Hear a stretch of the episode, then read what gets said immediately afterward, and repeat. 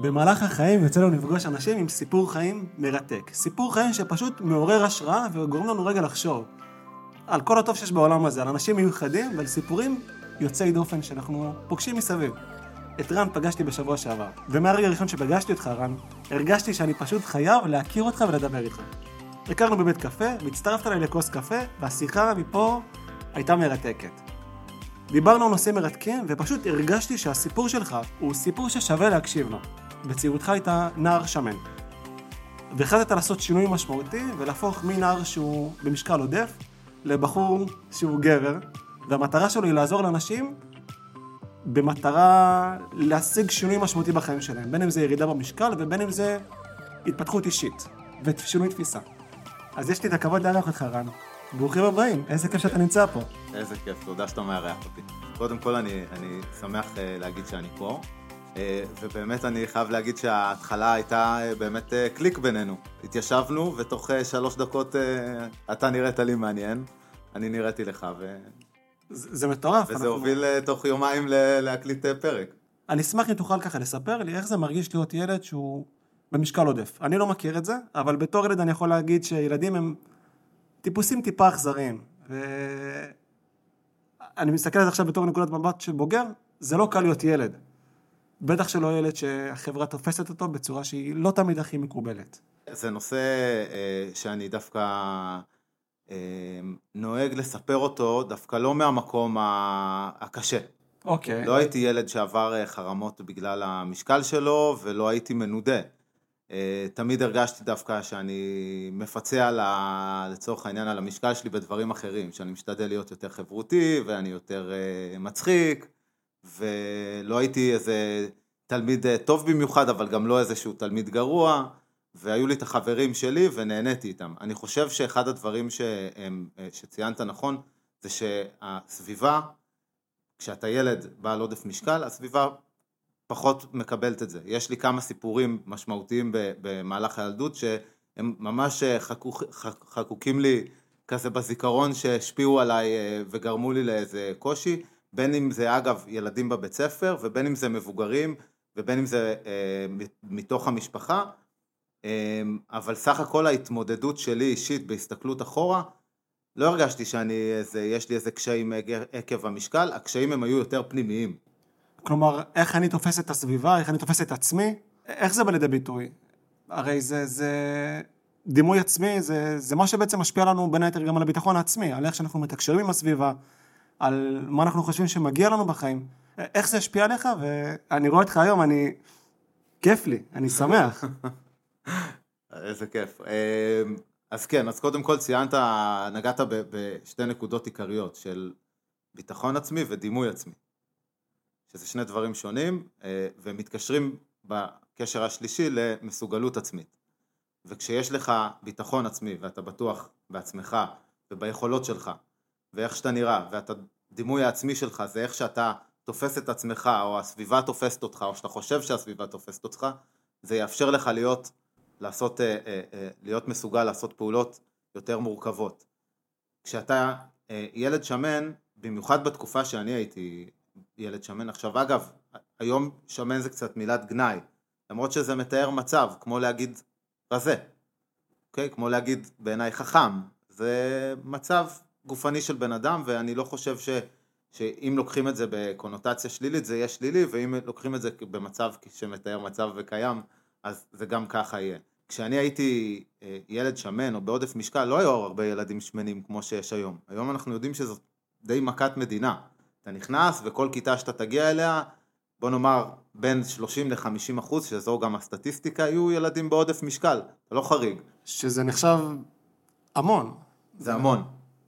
זה, זה המון. ישראל מתקדמת uh, למספרים של uh, אמריקה. בריטניה ואמריקה, ששם באמת המספרים שהם, uh, אם אני לא טועה, ואל תתפוס אותי כי אני לא דיאטן ילדים, אבל uh, אם אני לא טועה, כל ילד רביעי או שלישי בישראל הוא אה, בעל עודף אה, משקל ואנחנו, כל אה, מבוגר שלישי או כל שניים וחצי מבוגרים הוא, הוא, הוא כבר בעודף משקל וזה הולך ועולה עם הזמן. כשאני הייתי ילד אני רוצה לקחת אותך 30 שנה אחורה וזה היה קצת פחות נפוץ וגם תרבות הדיאטה כמו שהיא היום, המודעות, האימון, האימוני ילדים, זה לא היה קיים. חדרי כושר לא הכניסו ילדים מתחת לגיל 14, ולא, בטח שלא היו כמעט קבוצות, אלא אם כן היית ממש תינוק, זאת אומרת, לא היה איזשהו מענה. היית יכול ללכת לדיאטנית בקופת חולים במקרה הטוב, ובמקרה הרע, אה, ההורים שלך היו אומרים לך, טוב, ת, תאכל פחות. כאילו, לא היה איזשהו מענה כמו שיש היום, וזה... כלומר, אנחנו עכשיו נמצאים, ב, נקרא לזה, בעידן שהוא טיפה מאוחר יותר, ויש הרבה יותר מודעות לדבר על הנושא, לתקשר את החוויה הזו. לגמרי. עכשיו, אתה עשית שינוי משמעותי בחיים. אתה עברת מילד שהיה בעודף משקל לאדם שמחליט לטפל ולעזור לאנשים, לטפל באותה בעיה בדיוק שאתה התמודדת איתה. איך זה מרגיש לעזור לאנשים שמתמודדים עם אותה בעיה בדיוק שאתה חווית אותה בתור ילד? אז קודם כל זה מרגיש מדהים, זה, זה, זה מרפא באיזשהו מקום. אה, חלק מהעניין של לטפל בהרבה פעמים בבעיות שהן קשורות לקושי הנפשי זה לעשות פעולה שהיא כמו פעולה התנדבותית. אגב, זו אחת הסיבות לדעתי שהרבה מאוד בתקופה האחרונה אנשים מתנדבים, כי זה חלק מהעניין של התמודדות נפשית עם מצב. אבל התחושה היא מדהימה, היא, אתה לוקח מסע שעברת, שאתה יודע שהוא מסע פנימי וחיצוני, ואתה מנסה לעשות את זה למישהו שהוא מגיע אליך, והוא לא סתם מגיע אליך, הוא בוטח בך עם הכל, זה המקום הכי חשוף שלו לדבר על נושא התזונה ועל הילדות ועל הקשיים ועל האתגרים ועל אמונות מגבילות וצריך לעשות אה, שבירה ולפעמים אתה יודע, אצלי בקליניקה יש אה, בכי ויש אה, צחוק ויש גם הרבה פעמים שיחות שהן בכלל לא קשורות לתזונה, זאת אומרת זה לא שאני לא מטפל רגשי ואני לא פסיכולוג. אבל זה כן עובד ביחד. אבל, אבל אני כן משלב. אני, מקרים מסוימים אני תמיד מפנה, אני תמיד אומר את זה, גם התראיינתי בכמה מקומות ו, ובפוסטים שאני כותב ועונה ברשת, אמ, תמיד אני מפנה לאנשי מקצוע כשזה מגיע לנקודה שצריך להפנות לאנשי מקצוע. אמ, אבל תחשוב על זה, בן אדם מגיע אליך בנקודה במצב אחד, ואתה עוזר לו להיות בן אדם שהוא הרבה יותר, אני לא יודע אם הרבה יותר טוב, אבל בגרסה הטובה יותר, יותר שלו. של עצמו. זה תהליך שהוא יוצר משמעות גם עבורך, וגם עבור אנשים שאתה עוזר להם. אז אני אומר לעצמי, אוקיי, יש פה המון המון ערך שאתה יכול להעניק לעולם, וגם אתה עושה את זה. יש גם אתגרים במצב הזה, בסיוע שאתה עושה? הרי באיזשהו מקום אתה בעצם מחזיר את עצמך גם אחורה בזמן. כלומר, אתה חווה מחדש, או יכול לחוות מחדש סיטואציות שאתה בעצמך חווית אותן. זה, זה בא לידי ביטוי באיזשהו מקום? קודם כל, אני חושב שזה מה שעושה אותי מטפל יותר טוב. כי אתה מזדהה עם ה... אתה מרגיש יכול, את זה. אני יכול לגלות אמפתיה ואפילו הזדהות. אתה יודע, אמפתיה זה היכולת לנסות להבין את התחושה שמי שמולך חווה, ואמפתיה זה להרגיש את אותו דבר כי חווית את זה. ו... ו... אז זה מגיע ממקום שהוא מאוד אותנטי. בדיוק, והזדהות משפרת לי את היכולת לתת מענה. אני לא מנותק רגשית. עכשיו, אני אומר את זה אה, ממקום שגם אם זה הרבה פעמים קשה לי, בגלל שעברתי את התהליך הזה, אני, זה, לא, זה לא מביא אותי אחורה. גם אם זה מחזיר אותי אחורה לנקודה שבה אני הרגשתי פחות טוב, יש לי היום את הכלים ואת היכולת לחזור לנקודה שאני נמצא בה, לרגיל. אוקיי? זה חלק מהעניין של, דרך אגב, של מטפלים.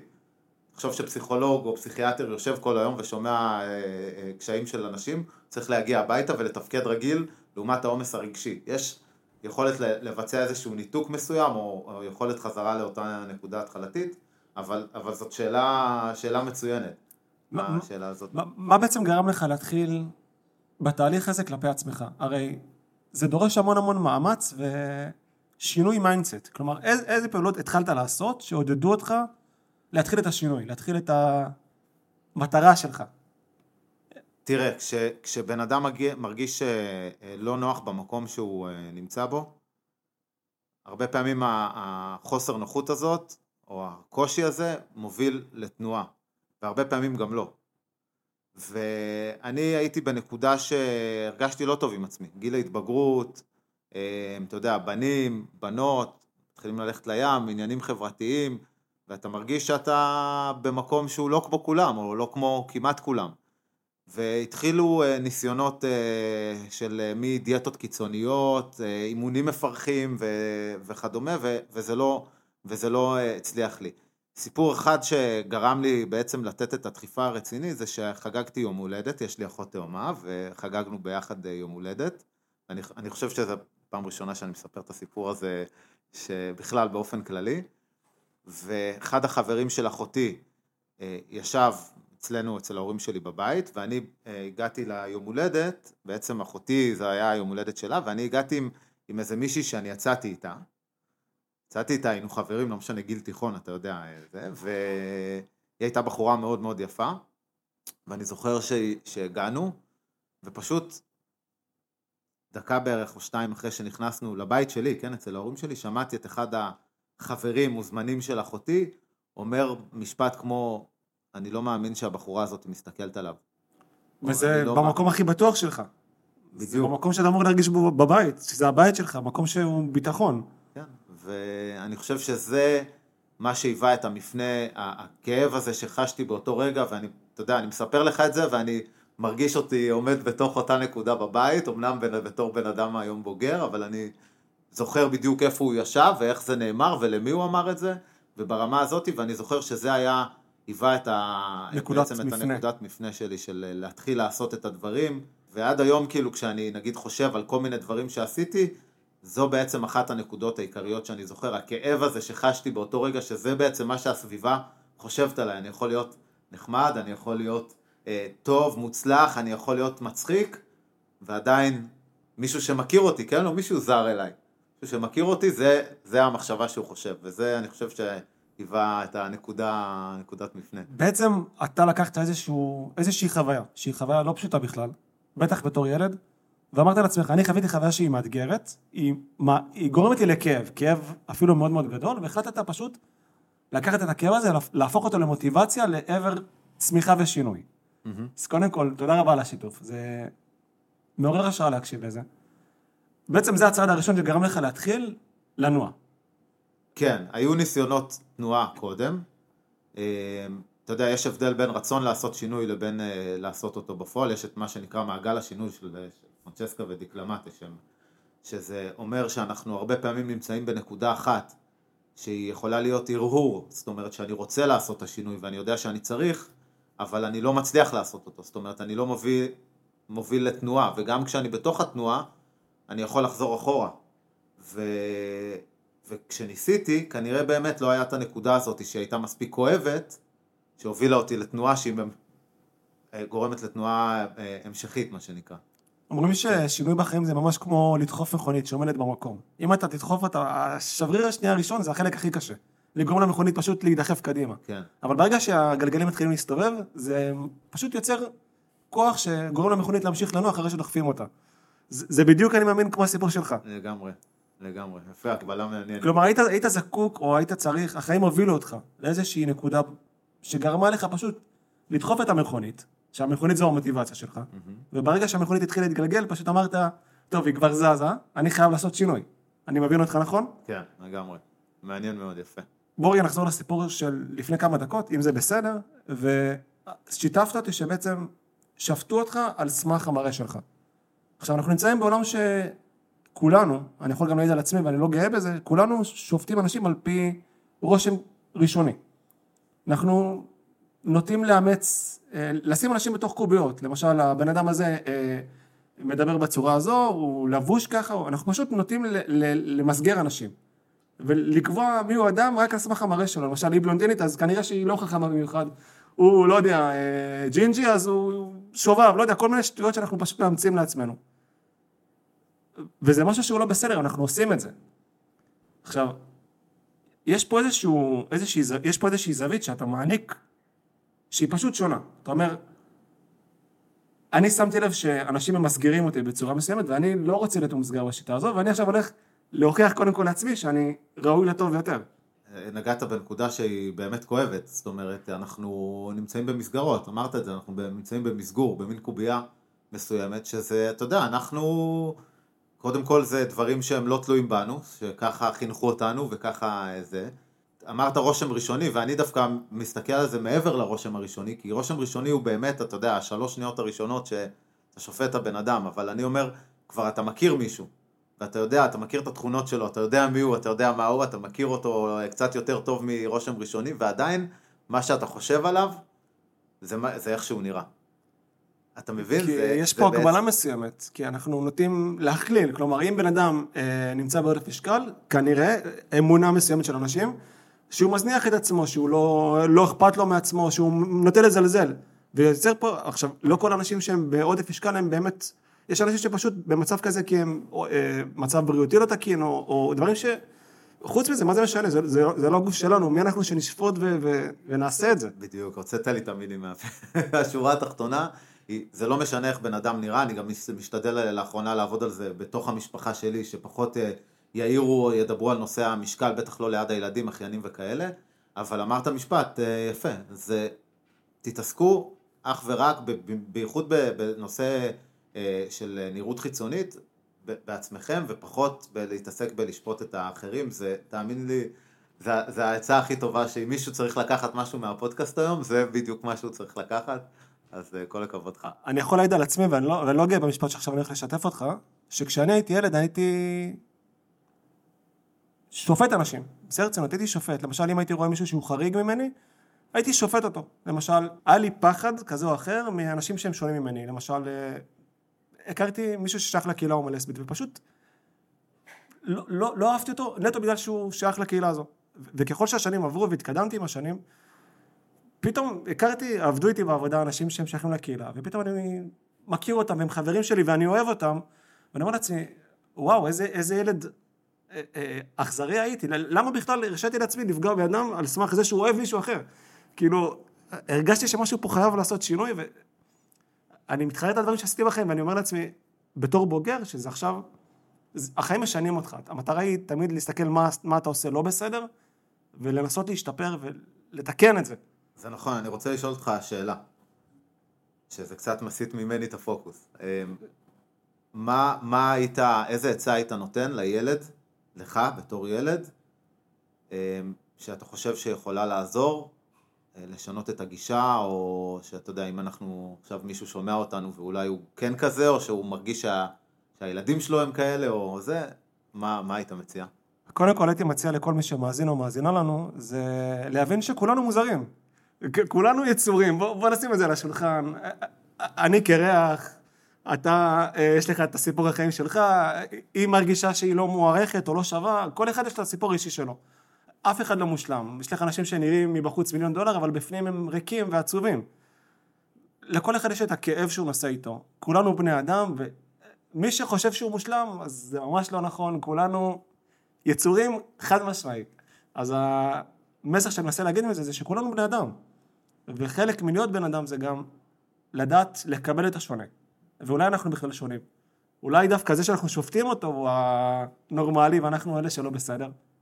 כי אם אנחנו מבקרים אנשים, זה אומר שאנחנו עושים טעות, אנחנו מבקרים, ומי אנחנו בכלל שנעשה את זה? מדהים, מדהים. זה, זה הטיפ שהייתי נותן. אני הייתי, הייתי שואל את, ה, את הילד שאלה קצת יותר מורכבת. אחד, מה באותו בן אדם, מה הוא מעורר אצלך, איזה רגשות, איזה קושי, מה אתה חווה, למה, למה אתה מגיע מנקודה א' לנקודה של כעס או של משהו קורה שם, מה? ואיך היית מרגיש אם היו עושים את זה לך. אבל זה שאלות שקשה לשאול אותן, כי כשאתה ילד אתה פשוט, אתה מושפע גם מהסביבה שלך. אמ, זה בסדר, זה גם תשובה. אבל אתה יודע שזה לא בסדר, אתה בתוך עצמך יודע שזה לא בסדר לעשות את מה שאתה עושה, אבל אתה עושה כי כולם עושים, אז אם כולם עושים, אז בוא נעשה את זה, למה לא? ופה מתחילה הבעיה. נכון, זה מה שנקרא רצייה חברתית, אתה מקבל פידבק חיובי מהסביבה לפעולות שהן לא, לא בהכרח חיוביות. אמ, וזה המקום לעבוד דווקא על שינוי החשיבה, זה איזשהו אה, אה, חשיבה, אתה יודע, דפוס חשיבה שגוי, של אם כולם עושים אז זה נכון. אגב, זה מתקשר מאוד לתחום שלך, תחום הפיננסים, החשיבה הכלכלית, כאילו, אתה יודע, כולם הולכים לקנות בית, אז זה הדבר הנכון, גם אם אני נתקע, לצורך, לא שאני מומחה בפיננסים, אבל גם אם אני נתקע עם משכנתה שהיא מעבר ליכולת שלי להחזיר אותה, סתם לדוגמה. כי ככה כולם עושים. פיתחתי לעצמי כל מיני הרגלים שפשוט עוזרים לי לקבל החלטות.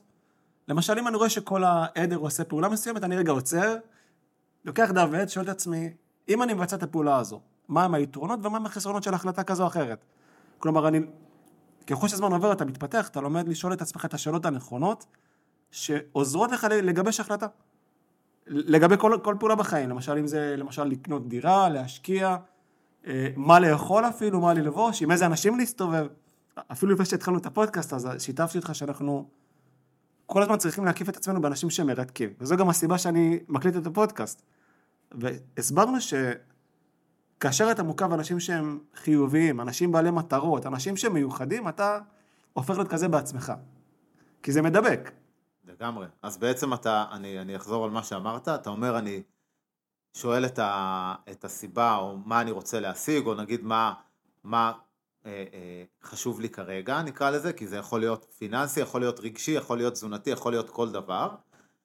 ואני עושה סוג של אה, בעד ונגד, נקרא לזה, אבל אני מחפש גם את הסביבה שדווקא תדחוף אותי לעבר ההחלטה הנכונה, או שתאשר לי את ההחלטה שאני מרגיש שהיא נכונה עבורי. זאת אומרת, אה, נניח, כמו שאמרת, יכול להיות שההחלטה שלך היא נגד הזרם, אבל זה שעכשיו אתה תסתובב עם אנשים שהם באמת החליטו כמוך ו- וכדומה, יכול להיות שזה יעזור לך בהחלטה. אגב, אני חושב שזה משהו שאפשר לעשות עם ילדים, אולי לא בהכרח בגרות של בוא נכתוב בעד ונגד, אה, pros and cons מה שנקרא, אבל כן לשאול שאלות של למה אתה עושה, ומה יוצא לך מזה, ואיך אתה מרגיש שאתה עושה את זה, זה שאלות לגיטימיות לחלוטין.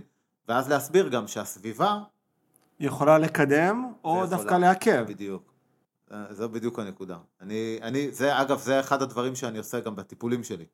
אנחנו בטח נגיע גם לדבר על מה אני עושה בעצם במפגשים עצמם, אבל uh, כשמגיע אליי בן אדם ואני מרגיש שהסביבה שלו, שהוא נמצא בה, היא או הוא, נמצאים בסביבה שהיא לא תומכת, היא לא מקדמת את התהליך, או שהיא לא מאפשרת להם, אחת העבודות, ה, ה, ה, מה שנקרא, ה, נקרא לזה? המאתגרות יותר, זה לעשות מה שאני קורא הנדסת הסביבה. או הנדסה סביבתית, או הנדסת המשפחה, או שינוי החשיבה, או שינוי... זאת אומרת, אני יודע שאני רוצה לעשות שינוי, אני התחלתי לעשות אותו, ואני יודע שאני הלכתי לדיאטן, קיבלתי ממנו תפריט, קיבלתי הנחיות, אני מקבל ממנו ליווי יומיומי, והוא נתן לי משימות שקשורות מרמת התזונה ועד התפתחות אישית. אחלה, ואני מבצע אותם. אבל הסביבה שאני גר בה, כי אני גר נגיד כרגע עם ההורים, או שאני נמצא בבית של... שאשתי לא, לא מבינה אותי, והיא, ואני מצליח, בוא נאמר, ב-50 אחוז, או ב-30 אחוז, או ב-70 אחוז, ואני... יכול להצליח ב-200 אחוזים. בדיוק. מה שמעכב אותי זו הסביבה שלי. ופה העבודה היא הרבה יותר קשה, היא הרבה יותר מאתגרת, אבל היא אפשרית. כל מקום שאתה תגיע, אני מאמין, שאתה מגיע ברצון לעשות טוב, הרי אתה יודע, בסוף לשמור על תזונה, ולהרגיש עם עצמך טוב, ולהרגיש ש, אה, אה, שאתה מסוגל לעשות יותר דברים, ולגלות לך לעצמך שאתה עומד מול אתגרים, זה טוב. וזה טוב לך, זה יהיה טוב כנראה גם לסביבה שלך. עכשיו אני אקח את זה צעד קדימה. אה, יש אצלי מטופלים, מטופלות, שהשינוי הגופני אצלהם גרם להם לשנות פנימי. עבודה. לשנות עבודה. כן, להחליף את העבודה, פתאום הם הרגישו שהם, שהעבודה שהם או הם עובדים בה, היא פחות מאתגרת אותם, פחות מעניינת אותם. אה, יש לי מטופלים שהלכו ללמוד תזונה. מטופלות שהלכו, יש לי לא מעט מטופלות שהן היום דיאטניות, שהתחילו, באו אליי לליווי תזונתי, זה, יש לי, כשהייתי מאמן כושר וניהלתי חדר כושר, יש לי הרבה לקוחות שהיו, שאימנתי אותם, שהפכו להיות מאמני כושר. כלומר, אתה מרגיש שגם אתה, יש לך את היכולת לעזור לאנשים למצוא את המסלול הנכון עבורם, ותוך כדי התהליך גם הם מוצאים דברים שהם נכונים עבורם. כן, אני חושב שזה יותר מקום של תעשה מה שאתה אוהב ונהנה ממנו, גם אם לא תעסוק בזה. אתה יודע, יש המון אנשים שהם, אה, פוגש הרבה בדרך, שהם מאמני כושר שלא עוסקים בזה, או שלמדו תחום אחד, או שעבדו בהייטק לדוגמה, ועזבו את ההייטק, אמ, ו, וזה בסדר, אתה הולך לעשות ניסוי, אבל אתה צריך לעשות את זה מתוך מקום של שינוי. ואם אתה לא תרגיש שאתה מסוגל לעשות את השינוי, אתה תישאר כנראה באותה נקודה, באותה עבודה, באותו סיטואציה, באותו מערכת יחסים לא טובה, או מערכת יחסים עם האוכל לא טוב. זה, זה אתה יודע, זה, זה מאוד מאוד מעניין ומורכב, איך שינוי בנקודה אחת, זה ממש שרשרת כזה... של ש... אירועים שמשנה הכל. בדיוק. גם לדעתי אחד הפחדים הגדולים ביותר זה להגיע לגיל מבוגר יותר, גיל מתקדם יותר, ולהסתכל אחורנית ולהגיד, מה לעזאזל עשיתי עם החיים שלי, למה החיים שלי נראים כמו שהם נראים. עכשיו, אנחנו אחראים על הגורל שלנו, אנחנו אחראים על הכל. יש דברים שהם תלויים בנו, יש דברים שהם לא תלויים בנו, אבל אם אנחנו לא מרוצים מהחיים, אנחנו, יש לנו גם את הכוח לשנות ולעשות שינוי. אנחנו בוחרים בכך, אז זה מתחיל בראש לדעתי, ב- בלב הפנימי, משם... לגמרי, לגמרי, כן, אני איתך, מעניין. האם אתה מרגיש שהשינוי שעשית בחיים שלך משפיע עליך במגוון מישורי החיים, שהם לא בהכרח רק אה, תזונה. האם אתה מרגיש שזה הפך אותך למשל ל- לאדם חדור מטרה, אדם יותר טוב, אדם בעל שאיפות? איך אתה מרגיש שזה תופס אותך? זו שאלה מצוינת, כי אתה, זאת שאלה שבאה לי בנקודה שאני אה, בדיוק, אה, בעיקר בחודשים האחרונים, מוצא את עצמי אה, אה, שואל את השאלה הזאת דווקא בכיוון המקצועי, לא כדי להחליף מקצוע, אלא כדי להתפתח. אה, ואני אסביר לך למה אני מתכוון. אני מרגיש שאני בן אדם שמאוד קשה לו אה, לקחת סיכונים. קשה לו. סיכונים, נקרא לזה, מפחידים אותי, מלחיצים אותי. בוא אבל רגע ננסה להגדיר מה זה סיכון, כי סיכון שאתה מגדיר זה לא בהכרח סיכון שאני מגדיר. בדיוק. מהו סיכון? אוקיי, סיכון, או נקרא לזה יציאה מה, מהמסגרת, היא יכולה להיות אה, ללמוד אה, תחום חדש, או לעשות עוד אה, משהו, שינוי קטן בעסק, ויש אה, פתאום אה, ללכת אל ה... נקרא לזה, אל הלא נודע. מה זה סיכון? זה להשקיע עכשיו, אני לדוגמה רוצה, מרגיש שאני את הידע שלי ואת היכולות שלי רוצה להעביר להרבה יותר אנשים, מעבר לפגישות אחד על אחד, או קבוצות שהיה לי ואני עכשיו בונה חדשות, אני רוצה לעבוד נגיד על מוצר דיגיטלי שיהיה אפשר באמת לקחת את הידע שרכשתי במהלך השנים, גם אם זה ידע בטיפול, גם אם זה ידע אה, מקצועי, ולהנגיש אותו לאנשים. ויש איזשהו דבר שהוא, שהוא, שהוא מפחיד בזה. נכון. האם אני אצליח, איך לעשות את זה, מה לעשות את זה, אם זה... אה, עכשיו, כשיש את, ה, את הרצון, אוקיי? אנחנו נמצא את האיך, כן? את האיך לעשות את זה, אני מאוד מאמין. היום אני עושה כבר היום אה, הרבה פעו- פעולות ש... שנמנעתי מהן בתחום הזה. אז כשאתה אה, שואל את זה, יש הרבה תחומים שאני אה, באמת, זה עזר לי להיות, קודם כל הרבה יותר, אה, אה, אני חוזר ככה לתחילת הפודקאסט, אמרת אה, עניין של ביטחון עצמי ו- ודימוי עצמי, אז כשאתה נכנס למקום כלשהו, גם שיתפתי אותך מקודם שאני, שאני אה, אה, כשמציעים לי דברים אני אומר כן. בסדר? כמו שהצעת לי כש, כשנפגשנו ב... ב... זה גם היה כן חד משמעית, אני אשמח ל- להיות בפודקאסט, זה לא היה כן אולי, זה היה כן אני רוצה, זה היה מהר מאוד. לגמרי. קודם כל, אני, אני חייב לספר, מי, ש... מי שלא מכיר את עדי, מדובר בבן אדם אה, מאוד חיובי, והדבר הראשון. שתפס אותי אה, כשאנחנו נפגשנו זה שהוא הוא קם, הוא ישב, באמת שתה קפה, ואנחנו כזה באנו אה, להגיד שלום למי שהתארחה אצלו בפודקאסט, והוא פשוט הדבר הראשון שהוא עשה, זה מעבר לנעים מאוד, זה קם והביא כיסא, כדי שאנחנו נוכל לשבת לידו. זה היה נראה לי בסיסי, כלומר, אני באזור הנוחות שלי, לי טוב. לא נראה לי הגיוני שמישהו שנמצא לידי יעמוד ויסתכל עליי. השולחן פתוח, תצטרפו. אתה מבין שזאת פעולה שנגיד אני ראיתי את זה, ועכשיו זאת פעולה שאני אלך ואני אשכפל אותה כי היא פעולת טוב מחמיא לי בעיניי. מאוד, מחמיא לי מאוד. זה, וזה כאילו, ברגע שאמרת, אמרת, דיברנו קצת, ואז אמרת, וואי, אני אשמח לארח אותך, התשובה הייתה כן, כי זה לא משנה, אני לא הכרתי אותך לפני כן, לא שמעתי את הפודקאסט, למרות שמאז שהכרנו אני תודה רבה. מריץ אה, את ההאזנות, אה, וזה, וזה הוביל אותי. בעבר, אני אה, מניח שאם היה נפגש אליי מישהו ומציע לי שאני לא מכיר אותו להתארח אצלו בפודקאסט, התשובה האוטומטית שלי הייתה לא. אז האם הש- השאלה שלך, האם בעקבות השינוי שאני עברתי, פנימי וחיצוני, אני מרגיש שזה עוזר לי ופותח לי בתחומים אחרים, אז התשובה היא כן. לדוגמה, אה, תחומים חדשים שאני רוצה ללמוד, שפעם הייתי אומר לא, זה בזבוז של זמן, זה בזבוז של כסף, לא, פתאום הבנתי שאני צריך לעשות את הדברים עבור עצמי. גם תהליך של תזונה, גם תהליך שינוי תזונתי, הוא תהליך שאתה עושה, אתה מתחיל מתוך מקום של, אה, אה, שוב, מה זה מתוך מקום? כל התהליך הוא תהליך שאתה עושה עבור עצמך, וזה לא משנה אגב אם יש לך שני קילו לרדת, חמישה או חמישים. זאת אומרת, כל בן אדם שמגיע אליי, אני מתייחס אליו באותה צורה, מתוך מקום של אה, שינוי. וכשאני רואה, דרך אגב, שהרבה אנשים שהם מאוד מוצלחים בתחומים שלהם, לא מצליחים אה, לשחזר את זה בתחום התזונה, כמו חבר'ה שאני עובד איתם שהם מנכ"לים, או חבר'ה שהם מנהלים המון עובדים, והם קליברים באמת במה שהם עושים, ואומרים לי, תקשיב רן, אין, זה פה, נכשלתי. אז קודם כל, הכישלון היחידי זה כשאתה מפסיק לנסות, זה שאתה מרים ידיים, יש גם מקרים שאתה בכלל לא מנסה. אתה מגדיר את. עצמך בתור כישלון כי לא ניסית. נכון. ודבר שני, אני הרבה פעמים משתמש בדברים שבפעולות שהם עושים דווקא מהתחום שלהם, ומנסה לשאול אותם... למדל את ההצלחה שלהם בדיוק. בעצם. על, על נגיד, תסביר לי או תן לי דוגמה לפעולה שהיה לך מאוד קשה לבצע בארגון שלך או בעבודה שלך, ושהצלחת להתגבר עליה. אז הוא מספר לי איזושהי, על איזושהי פעולה או משהו שהוא עשה. ואז אנחנו מתחילים לפרק את זה.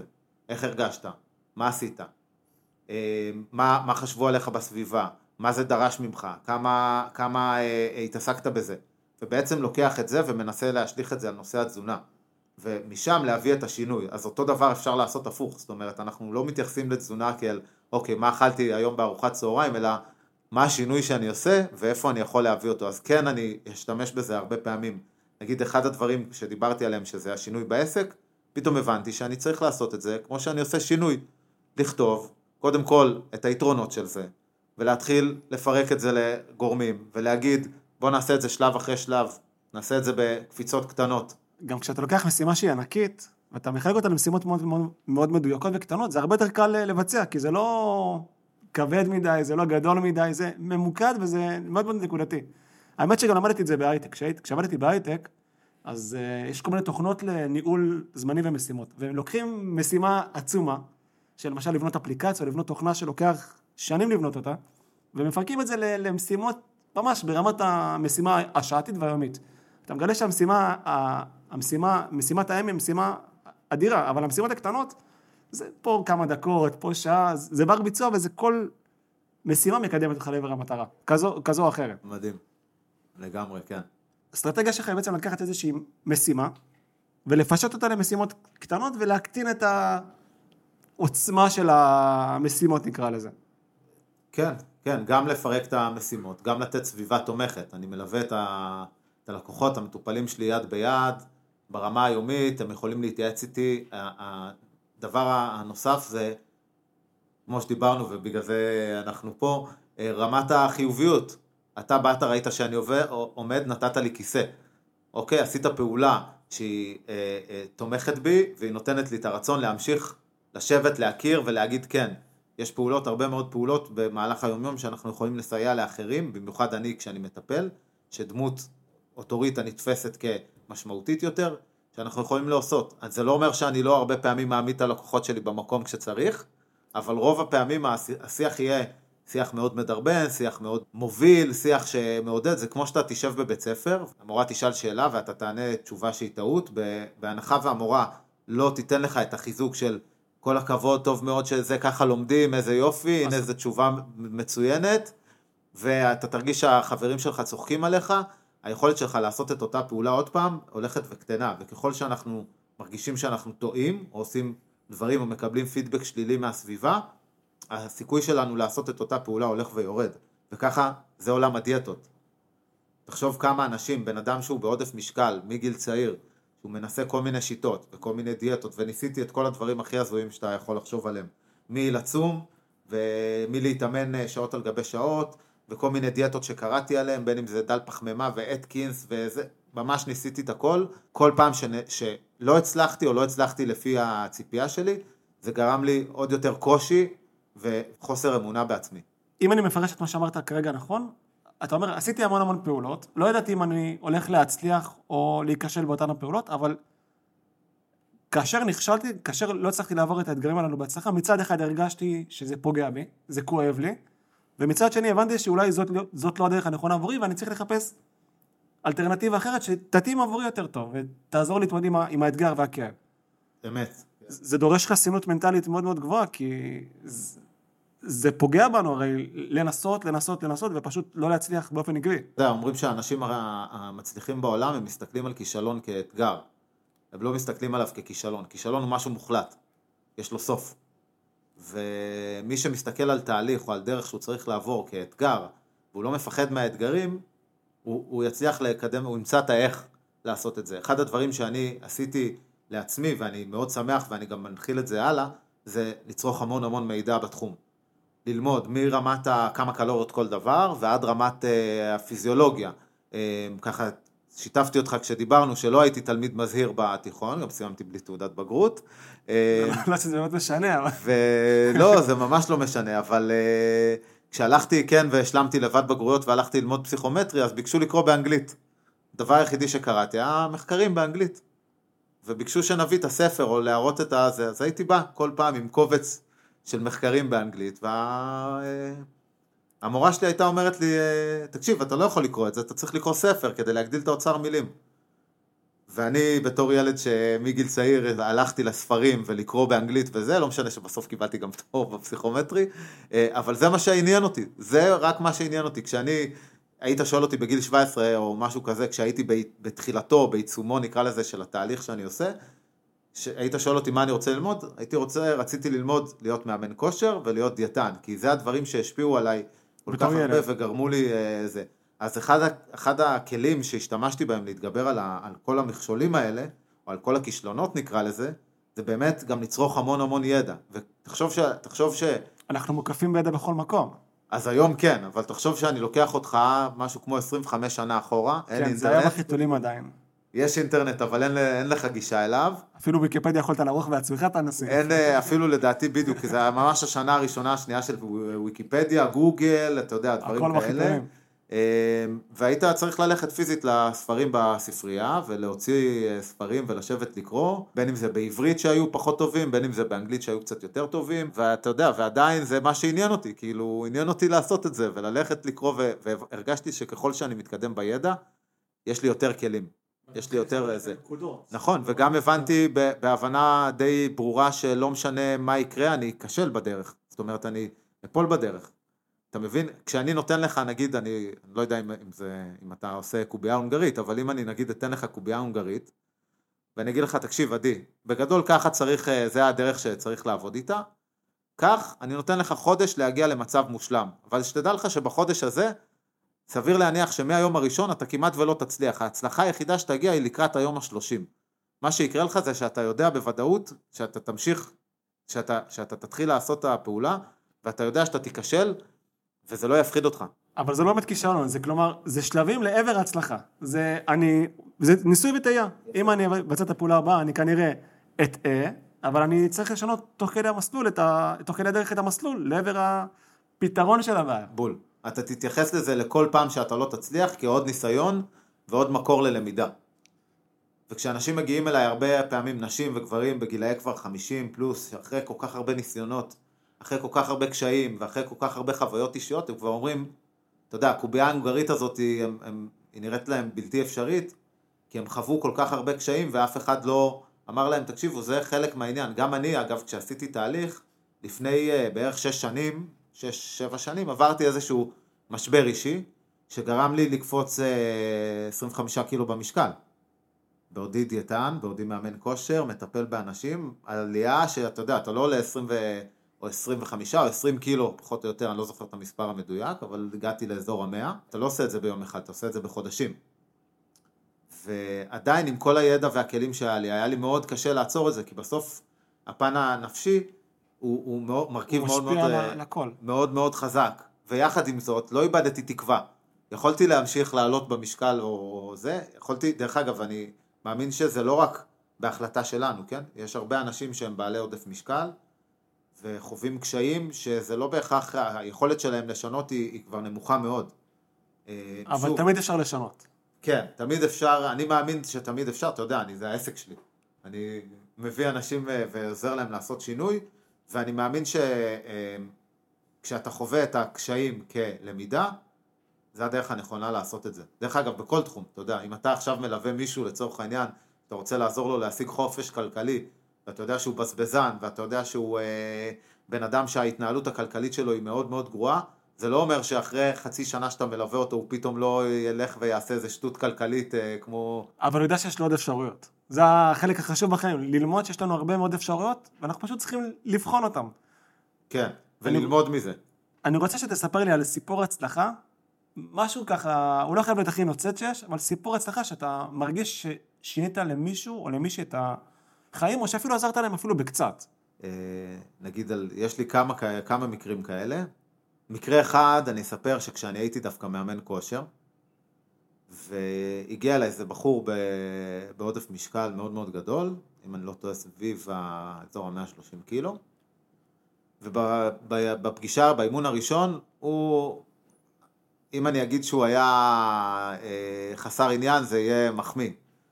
ואותו בחור, אה, התחלנו לעשות תהליך משותף של כושר ו- ותזונה, ליוויתי אותו במשך תקופה מאוד מאוד ארוכה באימוני הכושר. אימוני הכושר אגב אפשרו לי להגיע לאנשים בצורה אה, אפילו קצת יותר עמוקה מנושא התזונה, כי כשאתה משלב את הידע שלך בתזונה עם מפגש קבוע של פעמיים בשבוע או שלוש פעמים עם בן אדם, היכולת שלך, כמו שאמרת, הסביבתית, היא להשפיע עליו. והוא עשה שינוי ברמה שהוא לא רק הפך אה, להיות מאמן כושר, הוא גם הלך ללמוד תזונה אחרי זה. לצערי לא סיים את הלימודים, אבל הלך אה, לתחום משיק של אה, תחום התזונה, ועד היום, שאנחנו, אמנם אנחנו לא בקשר, אנחנו עוקבים כזה ברשתות, עד היום הוא שומר על התוצאות שהוא עשה, הוא הפך להיות בן אדם עם הרבה יותר ביטחון, כאילו זה היה, זה היה משהו שהוא מדהים בעיניי, שהוא גם בחר דרך דומה לשלי, וגם הפך להיות בן אדם שהוא בהרבה מקרים קצת שונה. אמ, זה, זה איזשהו מקרה אחד, ויש לי עכשיו אה, לקוחה שהיא גם לקוחה שרצה איתי ככה בתהליך ארוך, שהיא עשתה שינוי כל כך מדהים, שבעיקר בנראות שלה, אבל גם בחיצוניות, של, ב, סליחה, בפנימיות שלה, בצורה של איך שהיא מתבטאת, ואיך שהיא מדברת, ופתאום ביטחון אה, אה, ברמת ה... שהיא כבר ראויה לדברים.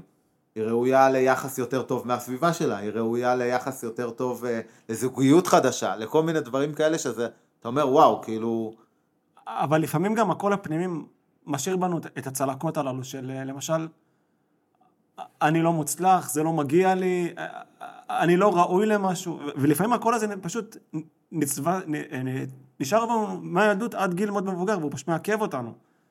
הבעיה היא, לדעתי העיקרית, היא דווקא לשנות את התפיסה הפנימית. כי ברגע שאני אני אגיע למצב שאני מבין שמגיע לי את הטוב ביותר, או שמגיע לי 1, 2, 3, 4, אני, אם אני אאמין בזה, זה יגיע אליי. החלק הקשה זה להתחיל להאמין בדברים כאלה. זה לשנות את, ה, את התודעה שלנו, של מי אנחנו, למה אנחנו ראויים. כן. זה החלק היותר מאתגר, הייתי אומר. אה, כן, כן, זה, אתה יודע, זה גם, אה, כמו שגם אה, הזכרתי מקודם, אני טיפול רגשי שהוא טיפול עמוק יותר, מפנה לאנשי מקצוע. אני מאוד מאמין באנשי מקצוע. שעושים אה, טיפול מה שנקרא רב מערכתי. אני מאמין שאם עכשיו אתה צריך אה, אה, מישהו שהוא יותר מקצועי לדבר איתו וכן לפתוח דברים שקשורים לעבר, אתה צריך לעשות את זה עם איש מקצוע. יכעסו עליי אולי חברות, חברותיי הדיאטניות שעוסקות גם בטיפול רגשי, אני מעדיף להשאיר את הטיפול הרגשי למי שמוסמך לכך. אז אתה צודק לחלוטין. אגב, הרבה פעמים גם לא משנים את זה. זאת אומרת, אפשר לטפל בזה בצורה מסוימת. בחלק מהנושאים אתה, או תחומים אתה תרגיש שאתה יותר ראוי, ובחלק מהתחומים אתה תרגיש שאתה פחות ראוי. זה, זה גם אה, יכול לקרות, אתה יודע, זה, זה בסדר, זה חלק מה, מהעניין של אה, אה, לעבוד בתחום מסוים. זה לא, אתה יודע, זה הכל, בוא שנייה רגע נשים את הדברים כמו שצריך. התחום הזה הוא תחום לא נוצץ, ואני אסביר לך למה. זה לא שכל מי שמגיע אליי נכנס בצורה א' ויוצא כבן אדם אחר. זה לא. יש הרבה מאוד אה, אה, קשיים בדרך, הרבה מאוד חוסר הצלחה, גם שלי בתור דיאטן וגם של אנשים שחווים חוסר הצלחה. יש הרבה מאוד השפעות של הסביבה, כמו שדיברנו עליהן, שזה חלק אה, מאוד מרכזי בשינוי. גם הרבה פעמים אני מרגיש שעם חלק מהמטופלים הגעתי לאיזשהו מבוי סתום ואני לא יכול לעזור להם.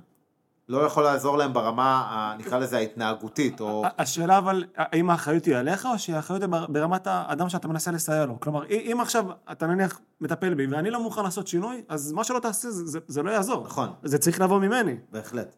זה, זה, זה מה שנקרא, אתה יודע, זה יחסי גומלין. אין, אין בן אדם אחד שזה באשמתו. אני הרבה פעמים לוקח את זה, דווקא אמרה לי מטופלת לא מזמן, אתה מושקע מאוד רגשית במטופלים שלך. כי אכפת לך.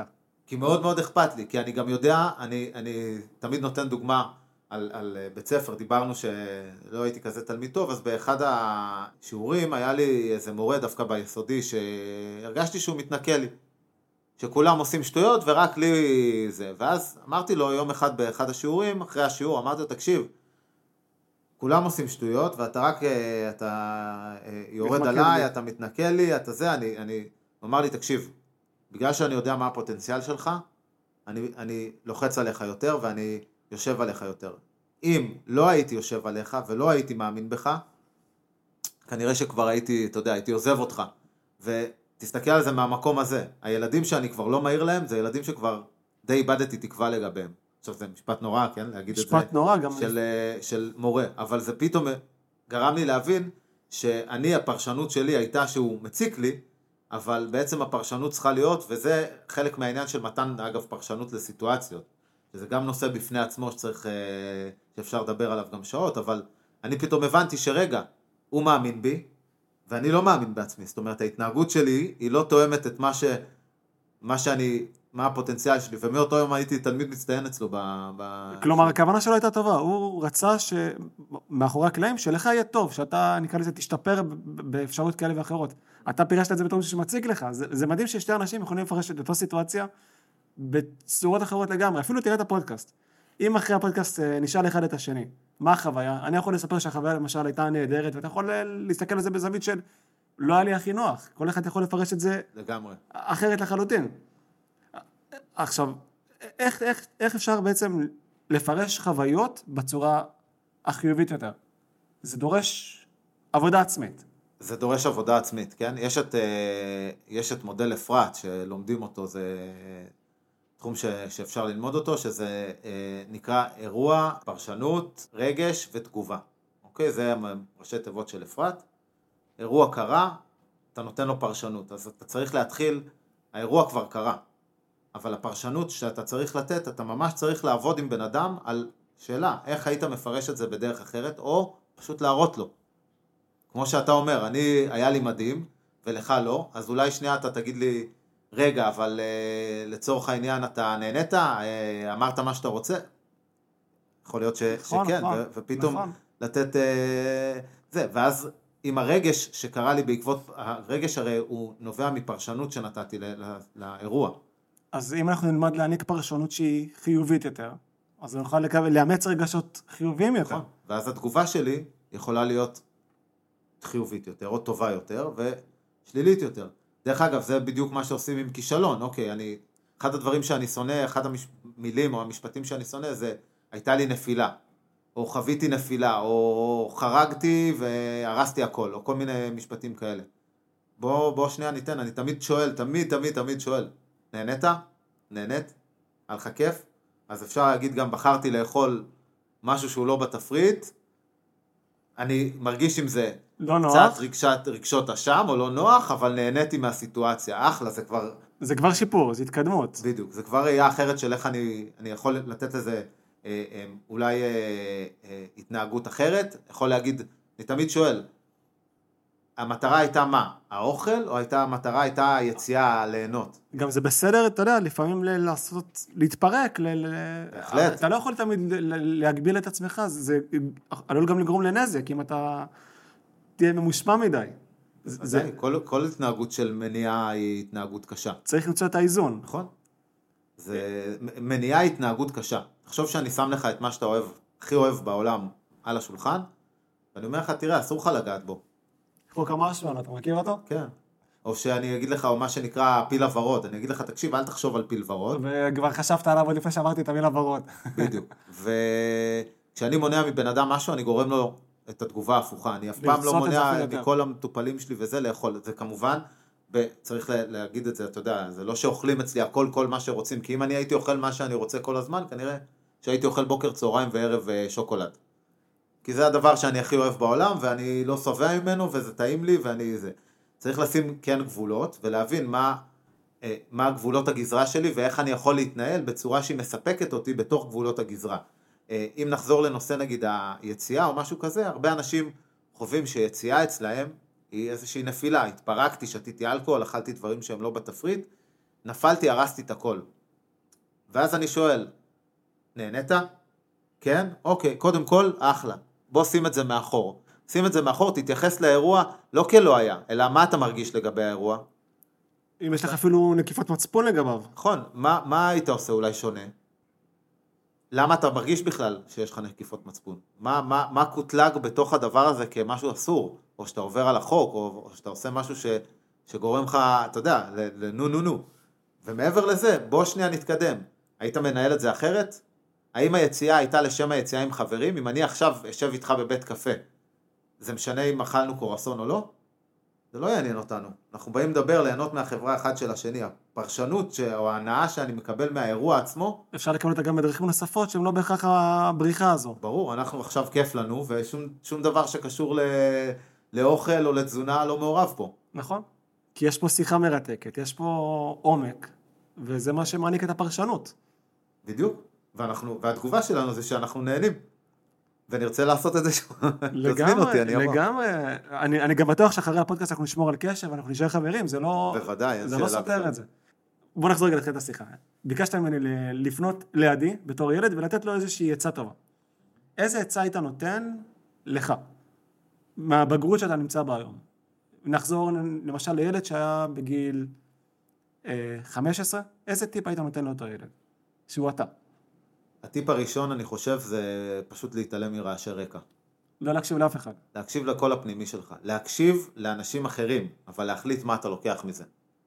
לא להשתדל, או להסביר שהסביבה היא לא בהכרח, אה, מגדירה אותנו. נכון, היא גם לא נותנת לך את העצות הנכונות. כל אדם נותן עצה. מהכיף שלו. בדיוק, מהמקום שלו.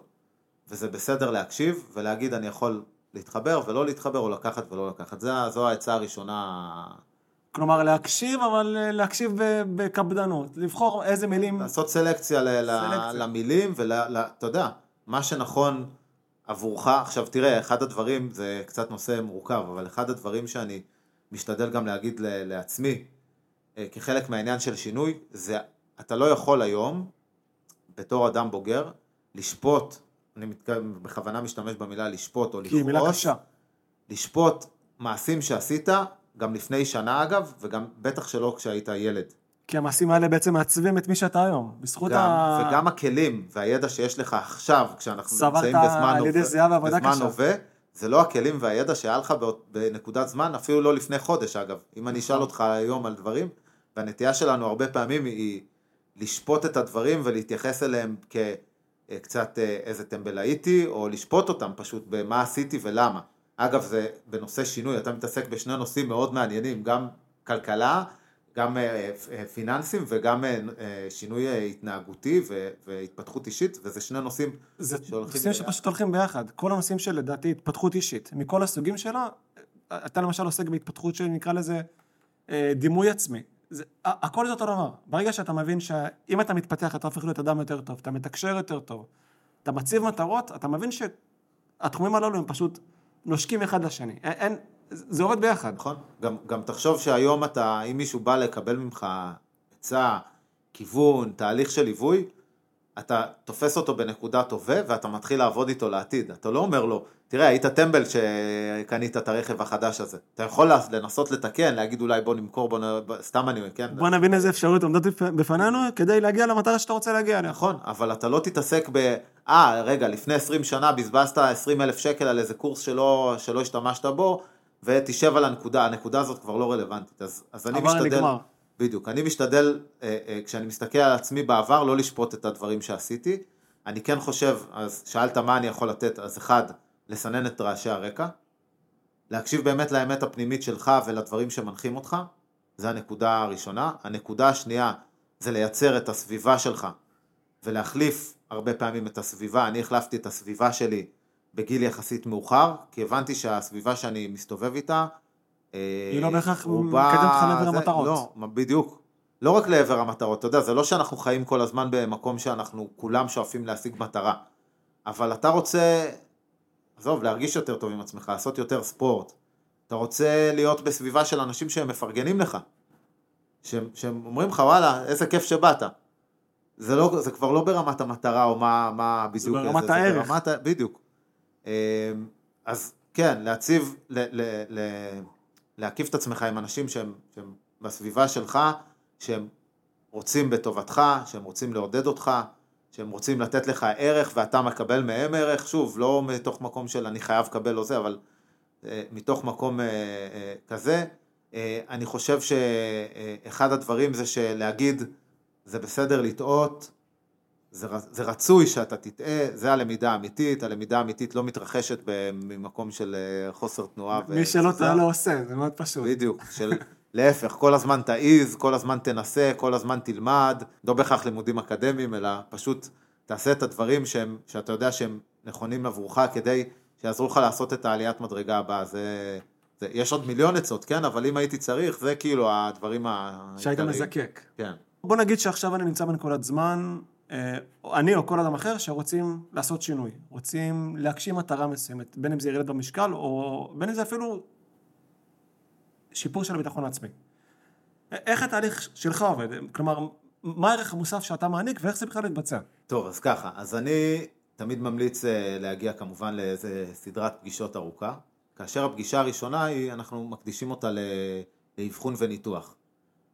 כמובן שאנחנו יושבים, אנחנו מדברים, השיחה היא ארוכה, היא כשעה וחצי, ואני שואל שאלות, בין אם זה שאלות טכניות, על איך נראה, נראה, נראית שגרת היום, וגם אה, שאלות אה, קצת יותר מעמיקות, על מה ניסית בעבר, איך הרגשת, מה היה נכון עבורך, מה לא, ובעצם באותו רגע אנחנו בונים את התהליך קדימה למטופל או למטופלת. זאת אומרת, אני מציף את הנקודות הראשונות שאני חושב שצריך לעבוד עליהן, כמובן יוצאים אצלי עם תפריט, זה לא שרק, הטיפול הוא לא רק בשיחה, מקבלים תפריט, מקבלים תוכנית אימונים מי שצריך, אבל הכל, ב, ב, אני קורא לזה, אה, בעבודה משותפת עם המטופל או המטופלת, שבעצם אני, אנחנו בונים, בונים פיזית ביחד את התפריט הנכון עבורם, כי בעצם אחד הדברים שגורמים להנאה חיובית של תהליך זה מה שנקרא אוטונומיה, בחירה חופשית.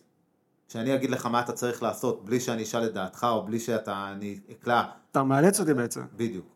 ואנחנו בונים, גם אם התפריט נראה מוזר מאוד, גם אם התפריט נראה לא הגיוני, גם אם דיאטן אחר יסתכל על זה מהצד ויגיד, תקשיב, זה הדבר הכי נוראי שראיתי בחיים שלי. אתה בחרת וזה מותאם עבורך באופן בדיוק. אישי. ואנחנו בונים את זה, ובין אם זה אנשים לפעמים לא רוצים להישקל, או כן רוצים להישקל, או כן רוצים להימדד, מדידות שאני עושה, אם זה משקל, אחוזי שומן היקפים, כן, מדבר, כן מדברים על זה, לא מדברים על זה, כל אחד מהמקום שלו. מדברים על מה אני רוצה להשיג. מה אני רוצה להשיג זה לא רק כמה קילו אני רוצה לרדת, או מה אני רוצה להשיג. אני רוצה להרגיש טוב עם עצמי, אני רוצה לעשות יותר ספורט, אני רוצה להיות יותר בריא, אני רוצה זה, כמובן אני עובד בדיקות דם, ומתחילים תהליך. התהליך בעצם הוא שאני מבקש בשלב הראשון לעדכן אותי על בסיס יומי איך עבר היום של כל אחד, אם זה מה הוא אכל, או אם זה איך הוא הרגיש. כלומר, אכפת לך, אתה שם דגש לא רק על, על איך עבר היום שלך, אלא איך הרגשת באותו יום. כלומר, יש לך פה גם דגש על הצד המנטלי. כלומר, זה לא רק תעשה 1, 2, 3, 4, זה לא רק בוא אני אסביר לך איך יורדים במשקל, זה בוא אני אסביר לך או לך איך עושים את זה וגם איך זה מרגיש בתהליך. אני, אני מלווה אתכם. נכון.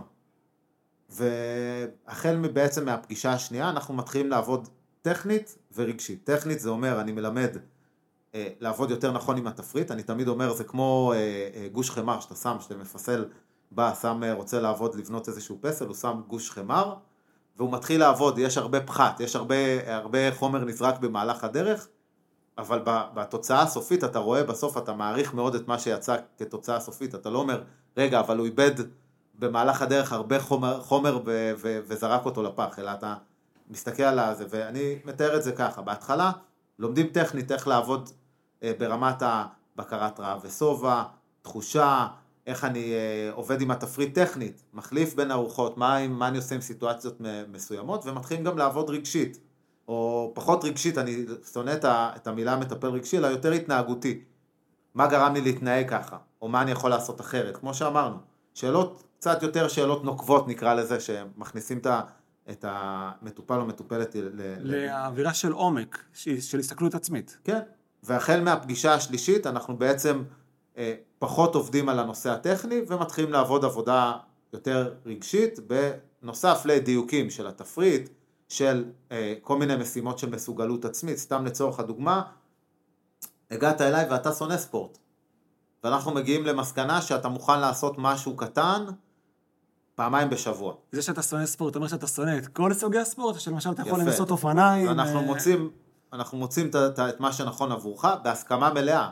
בסדר? אני לא אומר לבן אדם, אתה צריך להתאמן שלוש פעמים בחדר כושר, עכשיו תלך תעשה מנוי.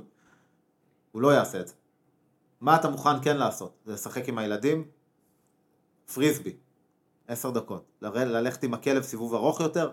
דברים שהם קשורים למשימות קטנות, כמו שאמרנו, לעשות משימות קטנות שיעזרו לתחושה ולערך העצמי. הרבה פעמים אני נותן דברים כל כך שטותיים, אני הרבה פעמים עובד עם טבלה, טבלת אה, משימות שאני נותן, או, אה, או יומנים כאלה, מין אה, לוחות שאני נותן לאנשים למלא, שעוזרים להם להראות שהדבר הזה הוא, הוא, הוא כל, כל עוד אתה עושה פעולה קטנה ככל שתהיה, שטותית ככל שתהיה, ואתה סימנת לעצמך באיזשהו מקום שהצלחת אותה, זה יעלה לך את הערך הזה. ו, וזה חלק מהדברים שאני עושה, והחל מהפגישה השלישית, רביעית, חמישית, אנחנו כבר באמת עושים עבודת אה, עומק, וגם, שוב, גם תזונתית, אני עושה הרבה, אה, מלמד איך לעשות מניפולציות אה, תזונתיות, אה, ו, וכמובן הכל ב, ב, מתוך מקום של שפוי ומאוזן, לשלב את הדברים באופן אה, נכון, ויש לי מטופלים שאיתי שנים. יש לי, המטופל הכי ותיק שלי הוא איתי לדעתי עשר שנים. הוא מגיע אליי, אנחנו קוראים לזה החוג של רן. הוא בא פעם בחודש, יושבים, מדברים, זה כבר לא דיבור על, על התפריט, כי התפריט עצמו כבר אין לי הרבה מידע, אין לי הרבה כלים לתת לו. אבל מדברים רגשית, אה, זה, וכמובן את הליווי. את הליווי זה אומר, יש בן אדם שאני יכול לפנות אליו בכל שלב, בין אם זה היה לי יום גרוע מבחינה רגשית, בין אם זה היה לי יום גרוע מבחינה תזונתית, ובין אם זה בא לי לשנות משהו, או תן לי מתכון חדש, או תן לי רעיון לתזונה מסוימת, וזה חלק ממה שאני מציע. כי אני מאמין ששינוי, עד כמה תהליך. שאתה רוצה, בדיוק, עד כמה שאתה רוצה לעשות ואתה מקבל כלים, אתה צריך שמישהו יהיה איתך בדרך, זה מסע. אני ואתה יוצאים עכשיו לטרק בדרום אמריקה, הלוואי, כן? אבל אנחנו יוצאים לטרק בדרום אמריקה של עשרה ימים. אם אתה תצא לבד, עד כמה שהטרק יהיה לך מדהים וכיף, יהיה לך הרבה יותר קשה מאשר אם תעשה אותו עם בן אדם נוסף או, שני, או שלושה אנשים. קל וחומר אם מדובר בצוות, שאחד סוחב את האוהל, אחד את הכלים, אחד את זה, ולא הכל נופל על הגב שלך. ואני חושב שליווי ותהליך לאורך זמן הוא הדבר הנכון. וזה מה שאני תמיד עושה בקליניקה שלי. מרתק.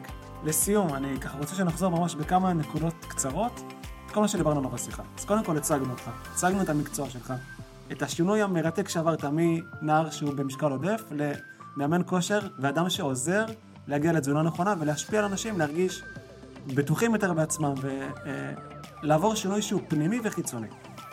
וסיפרנו על אתגרים שעברת בחיים ועל מה שהוביל אותך לשינוי הזה. אז קודם כל, תודה ענקית רן. נהניתי מכל רגע. כן, אני אגיד לך תודה. היה לי מאוד נעים ומרתק, והערכת אותי מאוד מאוד יפה. ואני רק אגיד שם לכל uh, מי שמאזין אותנו וחושב לעשות איזשהו שינוי, פשוט תעשו. תעשו איזשהו צעד לקראת זה.